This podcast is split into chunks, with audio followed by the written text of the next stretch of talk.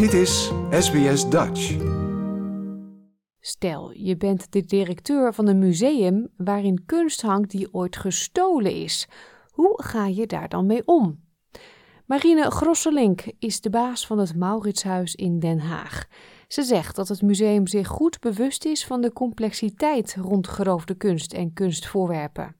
I think it's very painful to see all those uh, cultural objects uh, in the depots of our European museums because we know that the people uh, to whom they belonged are deprived of their culture. Um, so yes, I think it's uh, it, it is painful indeed, but I'm also thankful to the fact that our museums work quite hard nowadays, finally, on the restitution of those objects as well. Het restaureren en teruggeven van kunstobjecten staat in de globale kunst- en antiekwereld hoog op de agenda. Zo hebben de Verenigde Staten in de afgelopen tientallen jaren zo'n 17.000 geroofde kunstvoorwerpen teruggegeven aan Irak.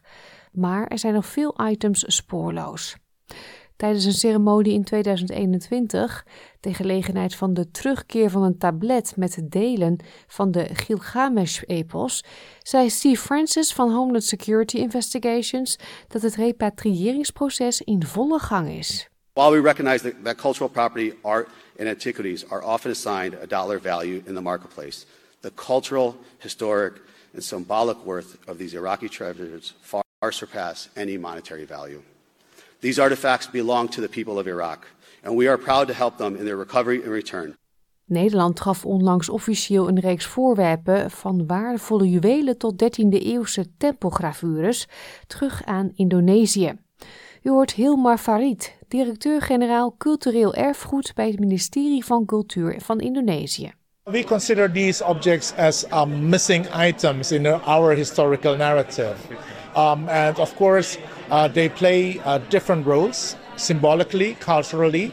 Um, for example, um, these statues that are standing behind me, they have um, a particular role in rituals. So bringing them back, uh, meaning that we would reintegrate them into their cultural context. Um, and that is, of course, of symbolic importance to us. En dit is de geschiedenis waarmee het Mauritshuis worstelt. En dat laat men zien met een nieuwe tentoonstelling waarin geroofde kunst centraal staat. De tentoonstelling heet Roofkunst 10 verhalen en het concentreert zich op drie periodes. Kunst die in het koloniale tijdperk is geroofd, diefstal gepleegd door Franse revolutionairen in 1795 en kunst die door de nazi's is gestolen van Joodse eigenaren. Marine Grosselink zegt dat er gebruik wordt gemaakt van virtual reality om de verhalen van de gestolen voorwerpen te vertellen. A museum is there to make those objects look more beautiful. But we don't make them more beautiful. The light is working light, as you can see here. Uh, so with the VR um, installation, you put up your goggles and your VR installation, and then you dive into the moment of loot itself. So you, as a visitor, are witness of the loot. And then the object tells the story by itself. It's about the biography of the object. And the object tells the story to you as a visitor. Rembrandts zelfportret uit 1669 is een van de kunstwerken die in virtual reality te zien is. Het schilderij behoorde toe aan de Joodse familie Rathenau, maar werd tijdens de Tweede Wereldoorlog door de nazi's geconfiskeerd. Een ander hoogtepunt is de quadriga van de Brandenburger Tor in Berlijn, die in 1806 door Napoleon werd geplunderd.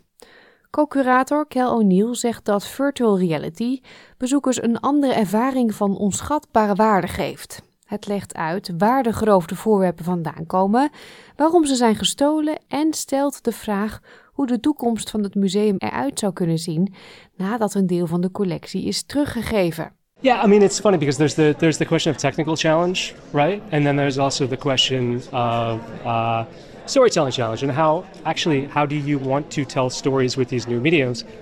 In an odd way with VR, the question is can you even really tell a story with VR? That's why we made a very deliberate choice with these experiences to essentially drop people into history. It's not particularly narrative. You're essentially arriving back at a time that you would not have access to like you stepped into a time machine. Dit was een verhaal geproduceerd door Deborah Grok voor SBS Nieuws en door SBS Dutch vertaald in het Nederlands. Like, deel, geef je reactie. Volg SBS Dutch op Facebook.